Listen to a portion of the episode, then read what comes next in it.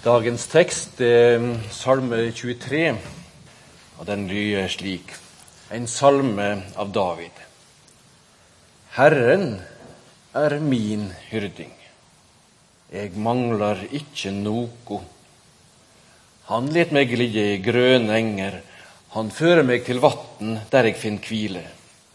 Han gir meg nytt liv. Han leier meg på rettferdsstiger for sitt navns skyld. Om jeg så går i dødsskuggens dal, er jeg ikke redd for noe vondt. For du er med meg. Din kjepp og din stav, de trøyster meg. Du duker bord for meg framfor mine fiender. Du salver mitt hode med olje. Mitt beger renner over. Bare godleik og miskunn skal følge meg alle mine dager, og jeg skal bo i Herrens hus gjennom alle tider. Slik lyder Herrens ord. Takk, Herre, for at du er her. Takk for, uh, takk for at du ser oss. Takk for at du kjenner oss enda bedre enn vi kjenner oss selv. Og takk for at du uh, møter oss akkurat der vi er gjennom ditt ord til oss i dag. Amen. Kan Guds godhet erfares både ved det sorgløse hvilestedet og på reisen gjennom skyggelandet? Kan vi unngå at talen om Guds godhet blir sånne teoretiske fraser fra godstolen som, eh, som ikke har kontakt med virkeligheten ute på den støvete veien? Jeg har lyst til å snakke litt om våre gudsbilder i løpet av denne talen. Det kan jo tenkes at eh, noen av oss har et litt sånn flatt og overfladisk bilde av Guds godhet. Tåler egentlig gudsbildene våre virkelighetens verden? The real world? Jeg har lyst til å være i denne salmen i dag, salme 23, som mange kjenner veldig godt som mange har et sterkt forhold til. Som det sikkert kunne gått an å talt eh, flere dager over. I all sin enkelhet og all sin kompleksitet. Den begynner jo å slutte veldig godt. Og der passer det på en måte godt i hop med dette 'Gud er god'. Men så dukker liksom selve livet opp midt imellom. Alt det uunngåelige jeg tenker meg at eh, David, for det står at det er David som har skrevet denne salmen, David som ble konge i Israel, jeg tenker meg at David han, han skrev denne salmen Kanskje skrev han på den hele livet? Ofte så er de beste poesi som er blitt til, det er ofte sånne som de store dikterne har brukt hele livet på å skrive, og så kommer det ut til slutt som et praktfullt mesterverk. Jeg tenker meg det, for den rommer så utrolig mye livsvisdom. Og så avslører han at dette på en måte handler om ulike livsfaser i livet hans. I hans egen reise. Han starta jo som en gjeter for fars sauer. På en måte så sluttet han aldri å være gjeter, hyrde. Han blir eh, etter hvert hærfører, en som vinner store slag. Og så samler han seg en gjeng med fredløse mennesker i en hule enda mens han venter på å komme til tronen. Og så eh, blir han høvding og gjeter for dem. Og Seinere inntar han kongetronen i Israel, og da får han et helt folk å være gjeter for. Men fortsatt så kommer han tilbake til det samme utgangspunktet som da han var barn. Han er først og fremst en gjeter som passer på noen sauer. Og Det er jo et universelt bilde.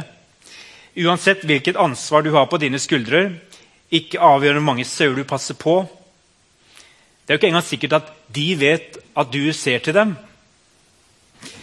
Jeg har fem større søsken. Og Etter at jeg ble voksen, så har jeg skjønt at særlig eh, vår storesøster Katrine hun, hun, har alltid vært en gjeter som, som, hadde omsorg for de andre søsknene sine på en spesiell måte. Både for han som var litt eldre, for han tvillingbroren som var like gammel, som mange av dere kjenner, Bård, og for de tre som hun hadde som var yngre. Og påtatt seg rollen som en som passer på at alle de andre har det bra, beskytter dem, sørger for at de alltid har nok mat, en god seng, den rollen den er det faktisk ofte også barn som påtar seg. Kanskje ofte litt for tidlig. Jeg blir minnet om det hver gang jeg besøker min storesøster i Oslo. Hun steller for meg og duller med meg etter alle kunstens regler. Det fins ikke bedre hotell for meg i Oslo enn hjemme hos Katrine. For henne vil jeg alltid være hennes lille bror. Hun vet ikke hva godt hun kan gjøre for meg. På en eller annen måte så tror jeg vi alle kan identifisere oss med denne gjeteren som har omsorg for noen, som ser til noen, som etter beste evne forsøker å beskytte noen og gjøre dagene deres så lette og gode som mulig. Jeg tror dere er den hyrden for noen. Det er i alle fall et bilde som ikke begrenser seg til det å være hyrde for en menighet. Men allerede fra David er den lille guttungen som passer på sin fars sauer, så står det helt klart for ham han er selv som en av disse sauene som ganske uvitende står under en annens omsorg 24 timer i døgnet. Hver eneste dag, gjennom hele livet, uansett hvor stort ansvar han har på sine egne skuldre. Litt etter litt. Det er Gud, Herren, som er min hyrde. Jeg mangler ikke noe. Han tar meg med til de gode beiteplassene, de grønne engene. Jeg kan like å tro at jeg skaffer meg maten og klærne selv. Men det er jo Gud som har gitt meg alt jeg eier og har. Han leder meg til vann der jeg finner hvile. Vannet som jeg trenger for å leve. Det som er Midtøstens mest dyrebare ressurs, og som mennesker går til krig for å få tilgang til. Jeg var nettopp i Egypt og kjørte mil etter mil sørover gjennom ørkenlandskap. Og Da skjønner vi at det å være gjeter i et sånt landskap det er å lete etter de sjeldne oasene, etter vannhullene.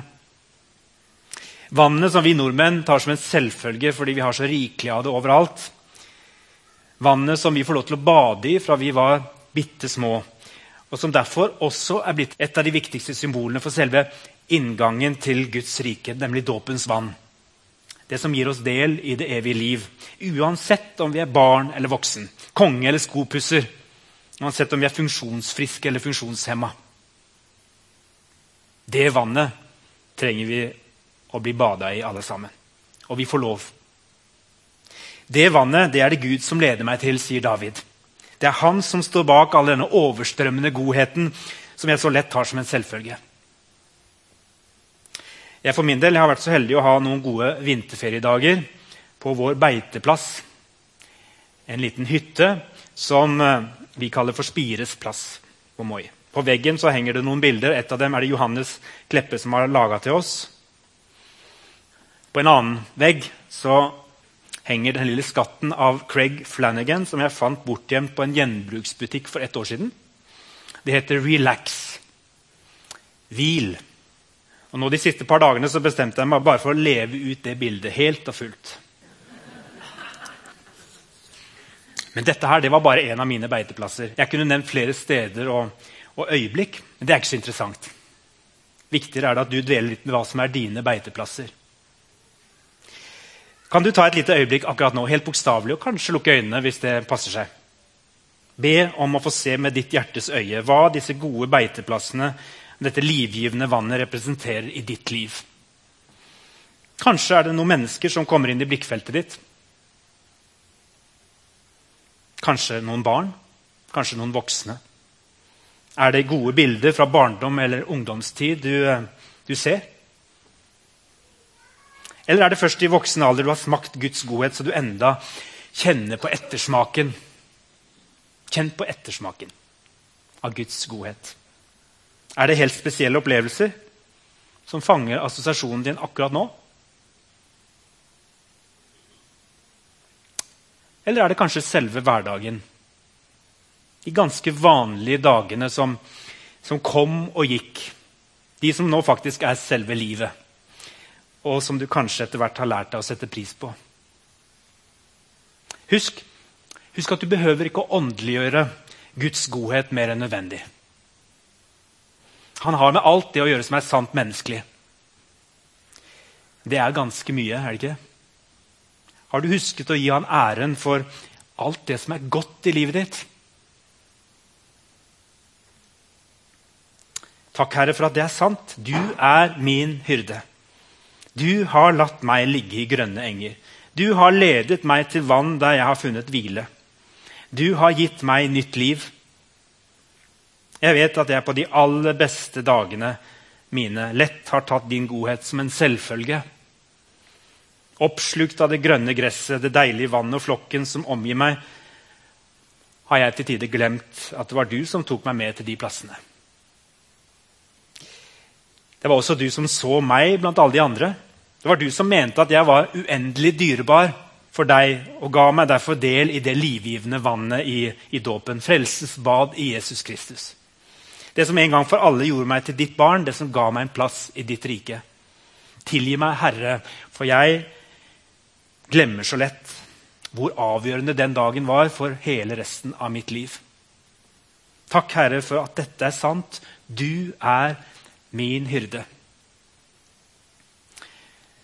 Og så kunne jeg ha valgt å gjøre sånn som vi ofte gjør, i alle fall med andre salmer i Det gamle testamentet. Jeg skal få lov til å åpne øynene.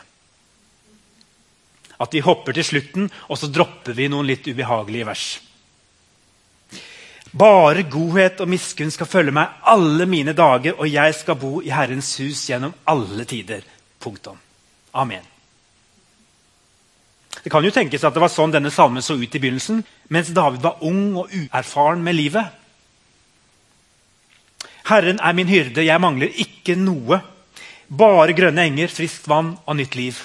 Bare godhet og miskunn skal følge meg alle mine dager, og til slutt får jeg bo i ditt hus for alltid. Ja, Hvorfor kunne det ikke bare ha vært sånn? Hvordan går det an å tro på en Gud når livet rammer mennesker vondt og uforklarlig og trekker dem bort fra den gode, barnlige tryggheten, varmen, omsorgen? Noe av det viktigste som må skje før eller siden i din og min troshistorie, det er at gudsbildene våre sprekker fordi de ikke lenger passer med virkeligheten. Hvis vi da hører til en familie eller et fellesskap, en kirke, som ikke kjenner noe annet gudsbilde enn det som sier at Gud alltid vil holde deg i nærheten av oasen, at du alltid skal ha rikelig med godt og deilig gress og aldri mangle noe som helst, ja, da har du heller ingen til å hjelpe deg med å få Gud inn i noe som helst bilde av virkeligheten når det begynner å røyne på. Altfor mange mennesker slutter å tro på Gud når det barnlige gudsbildet sprekker. Ikke det at det er noe galt med det barnlige gudsbildet. Det er bare det at det, det rommer ikke hele Gud. Det kan skje i forbindelse med en livskrise. Det kan skje i forbindelse med sorg og tap. Eller i forbindelse med at min egen fasade sprekker, og, og jeg oppdager min egen synd og skam. Hvis ingen da hjelper meg med å gå på leting etter et sant gudsbilde, ja, da havner Gud fort på skraphaugen. Det er jo lett å glemme at det ikke var vi som skapte Gud i vårt bilde. Det var han som skapte oss i sitt bilde. Og Derfor skapte han oss som underfulle, komplekse vesener. Og Når de vanskelige omstendighetene i livet rammer oss, da kan vi i første omgang lammes av vårt ukjente reaksjonsmønster. Vi kommer til steder hvor vi aldri har vært før. Det passer ikke med våre tidligere erfaringer. Og vi reagerer på måter som vi aldri før har gjort, og vi kjenner ikke igjen oss sjøl. Når vårt eget selvbilde og vår egen selvforståelse sprekker, ja, da kan veldig lett også gudsbildet sprekke. Inntil vi kanskje begynner å ane, sånn som mennesker flest etter hvert aner, at vi har mange flere rom i oss enn vi visste. Og det har også Gud. Han har mange flere rom i sitt vesen enn vi ante da vi var mindre. Om vi er komplekse, hvor mye mer kompleks og underfull er ikke Gud? Han som skapte oss i sitt bilde. Hvem er du og jeg som forsøker å få han inn i vårt hode og forstå han i ett og alt? Han som har skapt hele verden og alle dens mysterier. Lille David, han ble stor. Han hadde riktignok utkjempet Goliat. Han opplevde en umenneskelig seier, som nok i første omgang bekreftet hans gudsbilde. Gud passer alltid på meg. Jeg er uovervinnelig. Ingenting vondt kan ramme meg. Men før eller siden så havner David langt utenfor den grønne og behagelige oasen der alt ordner seg. David kaller det stedet for dødsskyggens dal. Om jeg enn skulle vandre i dødsskyggens dal. Det er det fine med sånne metaforer, at de er ganske generelle og upresise. Det tror jeg er grunnen til at dødsskyggens dal er blitt et begrep som mennesker til alle tider har kunnet gjøre til sitt. Jeg tror mange av dere også har gjort det. Dere vet utmerket godt hva dødsskyggens dal har representert eller representerer akkurat nå i deres liv. Det er ikke et sted hvor det vokser særlig mye gress.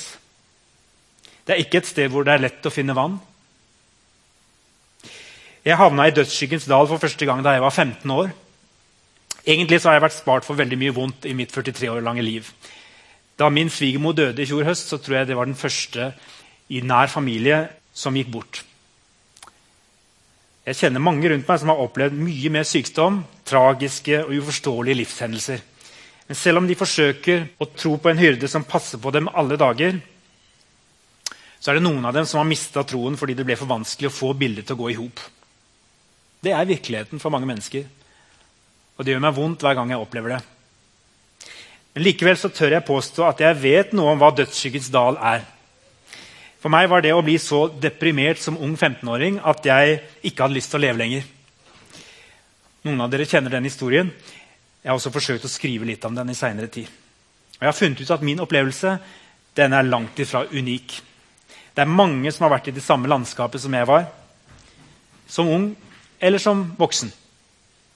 Det kanskje mest forferdelige for en ung gutt som meg, det var å oppleve at Gud var helt borte.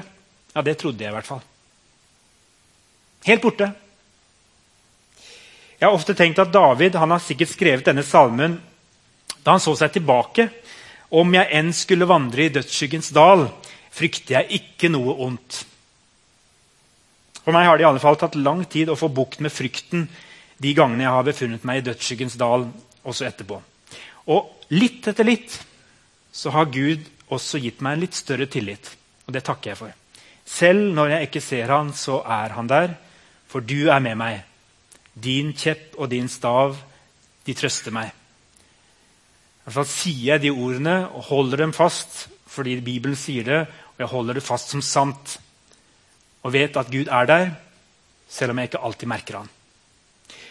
Det har vært sterkt å gå sammen med noen modne kristne som virkelig har erfart livet, og som har gitt seg helt og fullt over til Gud. Også midt i dødsskyggens dal. En av de er Knut Ivar i menigheten vår. Han overraska legen sin da han var inne til time og fikk vite at det mest sannsynlig ikke er noe å gjøre med hans kreftsykdom. Selv om vi ber, selv om vi håper. Og så Legen han spurte er du redd for å dø.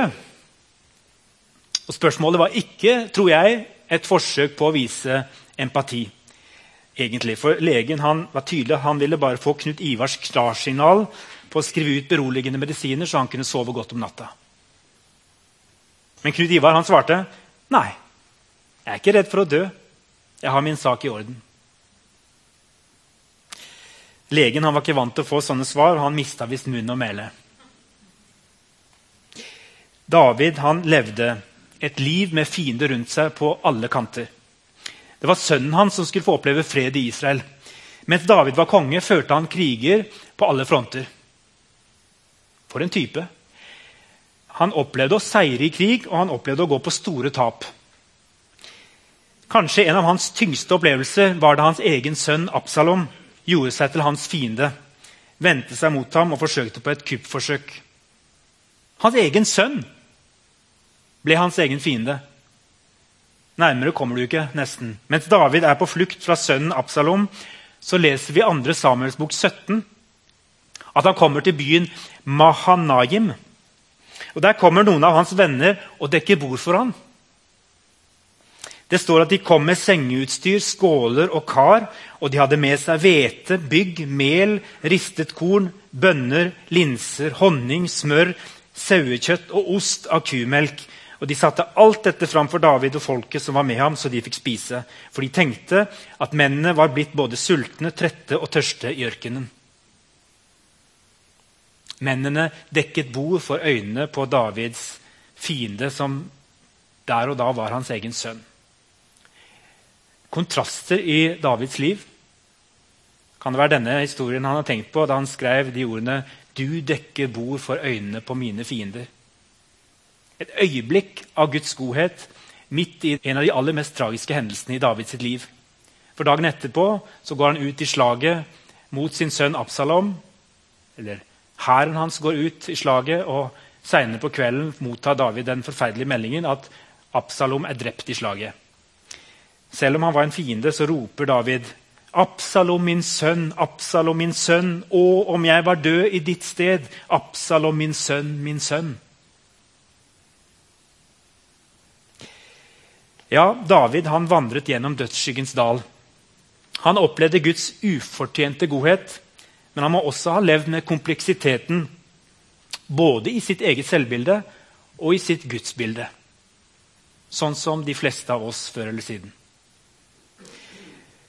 Kanskje den største fienden David hadde, var han selv, hans egen moralske svakhet, som ledet ham til å falle dypt og synde grovt.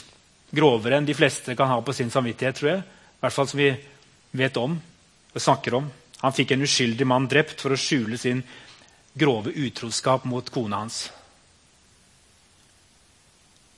Men også i møte med sin synd det er beskrevet i en annen salme, salme 51. Så opplever David at Gud dekker bo for ham for øynene på hans fiende. For øynene på han selv og det han har gjort. For øynene på det store fallet som han har levd. Så dekker Gud bord for ham og møter ham med tilgivelse og nåde. For Gud han sparer ikke oss nemlig for verken synd, sykdom eller død. Men han dekker nattverdsbordet for oss midt for øynene på våre indre og ytre fiender. Og sist, men ikke minst Gud gjør det som ingen annen gjeter på Davids tid pleide å gjøre. Når løve, ulv eller annet dyr angrep sauene, da var det greit å komme tilbake til eieren med de døde skrottene og si her ser du, beklager, det kom en overmakt. Dette her kunne ikke jeg gjøre noe med. Og Han ville bli sendt bort, og alt var greit. For kom det ulv og andre ville dyr, så var det på et vis opplest og vedtatt at da måtte gjeteren gi tapt. På et magisk tidspunkt i menneskenes historie så gjorde Gud seg til et menneske. Og dette mennesket, Jesus Kristus, kalte seg selv for den gode gjeteren. Og avslørte dermed at han var Gud selv. Det er ganske oppsiktsvekkende når Jesus begynner å snakke om den gode gjeteren, og plutselig jeg tror de fleste tenker at han snakker om Gud. Og så plutselig der i Johannes 10 så, så sier han 'Jeg er den gode gjeteren'. Han setter seg i Guds sted. Alle som hører på han har et sterkt forhold til Salme 23. Og Jesus går rett inn i salmen og sier 'Jeg er den gode gjeteren'. Men så går han videre og sprenger deres forestillinger om hva denne gjeteren kunne gjøre. 'Jeg gir livet mitt for sauene'. Det har aldri noen hørt at Gud skulle gjøre. 'Jeg gir livet mitt for sauene'. Og så gjorde han det. Han døde for oss på korset. Og for våre synder døde han. For at vi ikke skal behøve å være offer for egen eller andres synd og skyld lenger. Det er det som skjer på korset. Vi slipper å være offer for vår egen synd. Eller vi skal også få lov til å slippe å bære aleine den synd som andre har påført oss. For også den bærer Jesus på korset. Og Det gjør han for at synd og død ikke skulle få siste ordet. Og for at vi skal ha evig liv. Og da først da først oppfylles Salme 23 i all sin dybde og i all sin fylde. Bare godhet og miskunn skal følge meg alle mine dager, og jeg skal bo i Herrens hus gjennom alle tider. Jeg vet ikke hvor du er i livet. Og det er mange som hører på, som kanskje ikke er her i dag òg. Som hører på dette over uh, Internett. Og hvis du kjenner at uh, et eller annet sted på veien så har gudsbildene sprukket de passer ikke lenger med livet ditt, og du har vært fristet til å skrote Gud. til rett og slett å si at dette passer ikke, jeg tar han ikke med meg videre. Han kan ikke være med på min vei. Dette blir for vanskelig. Kan det være at uh, gudsbildet ditt trengte å sprekke? At det egentlig bare handler om at du skal få et større bilde av hvem Gud er? En Gud som, uh, som er kompleks, og som ofte er uforklarlig, men som aldri har tenkt å forlate deg. Og Det som er din fristelse og min fristelse når ting går på tverke og livet blir vanskelig, det er at vi tar på en måte over ansvaret sjøl. Og tenker da får det bare være. Jeg får bære dette sjøl. Jeg får ta ansvaret i eget liv sjøl. Jeg kan ikke stole på noen andre. Og Før eller siden så går ikke det heller. Og Da håper jeg at det er noen rundt deg som varsomt tar deg med tilbake til den Gud som er åpenbart for oss i Bibelen. En Gud som eh, ikke svarer på alle dine spørsmål, og som ikke løser alle gåtene, men en Gud som aldri har tenkt å forlate deg. For mennesker kan godt hende du har noen hyrder rundt deg som du er glad i, og som tar seg av deg og som beskytter deg. Men selv de menneskene vil før eller siden måtte svikte. De kan ikke følge deg helt gjennom. Det vil Gud gjøre. Det viste han da han ga sitt eget liv for deg og meg. Kanskje er det det du skal gjøre i dag. Bare overgi deg til Gud på nytt. Kanskje har du gjort det før. Kanskje er det første gang. Kanskje skal du gjøre det nå. Igjen. Fordi du altfor lenge har skapt Gud i ditt eget bilde, og det bildet har sprukket. Og så handler det om å, å ta imot Jesus det handler på et vis om å gi seg over. De sa det, de gamle. Overgi seg. Det passer veldig dårlig for de fleste av oss moderne norske mennesker. Vi liker å ha kontroll. Men det å bli en kristen og ta imot Jesus det handler dypest sett om å bøye seg og gi seg over til en som er større enn deg. Men han trenger du ikke å frykte. Hans kjepp og stav vokter deg. Og han tar deg med gjennom og lar deg bo i hans hus gjennom alle tider. Han møter deg her og nå. Ta imot han. Jeg skal be litt, og så skal vi synge. Og så skal dere få lov til å bare være i bønn. Og um, kanskje kjenner du at du trenger at noen ber for deg. Det er det rikelig anledning til etterpå. Her framme vil være forbedre. Kanskje er dette den dagen når du skal komme med dine gudsbilder, og så skal du legge de fra deg. Og så skal du ta imot Gud i all sin velde, all sin storhet. Den Gud som har kommet deg i møte i Jesus Kristus. Kjære Jesus, takk for at du er vår hyrde. Takk for at du våget å ta på deg en oppgave, et oppdrag, å gå inn i dette bildet av Gud som hyrden og sprenge disse bildene for alle som hørte det den gangen, og du sprenger de også for oss nå. Og så har du ikke alltid svar på alle mine spørsmål og all min, all min tvil og alt det som jeg syns er vanskelig. Og ofte så lærer du meg nye måter å forstå din godhet på. Jeg takker deg, Herre, for at uh, du uh, kom med det svaret som uh, er det eneste svaret på vår, våre liv. Det er at du gikk helt inn i døden for vår skyld. At da viste du hva det vil si å være en god Gud. Vi tar imot deg på nytt i våre liv. Amen.